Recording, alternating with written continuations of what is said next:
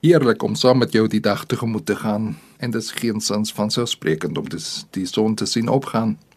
Gister het ons in die Christendom aan die verwoesting van die tempel 70 na Christus gedenk. Dit was 'n verskriklike gedagte dat God sy volk aan so 'n lot kon uitlewer. Vir amper 2000 jaar was daar geen staat Israel nie, totdat weer na die Tweede Wêreldoorlog 'n nuwe vlag by die Verenigde Nasies gewapper het. Vir baie was dit 'n duidelike teken van wat Paulus in Romeine 11 skryf God het sy volk wat hy lank tevore verkies het, nie verstoot nie. Kom ons neem hierdie vers saam in die dag. God het sy volk wat hy lank tevore verkies het, nie verstoot nie. Ek verwys graag na hierdie vers vir Christene wat die pad byster geraak het, wat hulle rug weg van die Here gedraai het. As dit sou gebeur dat daar skielik een of ander katastrofe sou kom, motorongeluk, ernstige siekte, bankrotskap, noem maar op, dan gewoonlik is daar een van twee reaksies. Of hulle verwyd die Here nog meer. Hoe kan 'n genadige God sulke leed toelaat? Ek wil niks te doen hê met so 'n wrede God nie. Of hulle vra versigtig: Is die Here dan besig om my te straf as hierdie ellende oor my kom? Dan antwoord ek vir hulle: Ag, liewe meneer, mevrou, dit lyk my eerder of jy jouself gestraf het deur so baie seën te mis. Het jy dalk vergeet hoe bros ons mense eintlik is?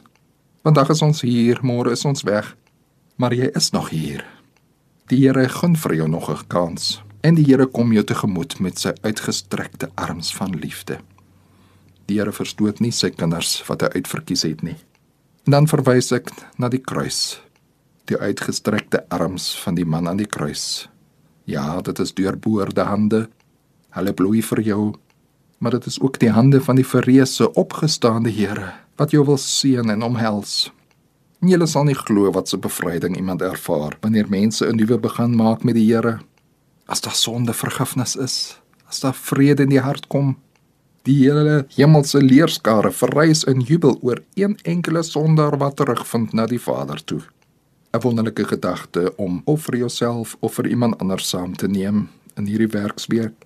God het sy volk wat hy lank tevore verkies het, nie verstoot nie. Kom ons bid. Die goue son het opgegaan en vrolik het ons opgestaan. Dank Vader dat U hierdie nag oor ons gehou het trou die wag. Leer ons hier op U weë gaan. U woord en wil nie teë staan. Ons oë vas op U gerig. Maak ons getrou in amp en plig. En U wat ons veel goeds bewys, sal toe bring ere lof en prys. Amen.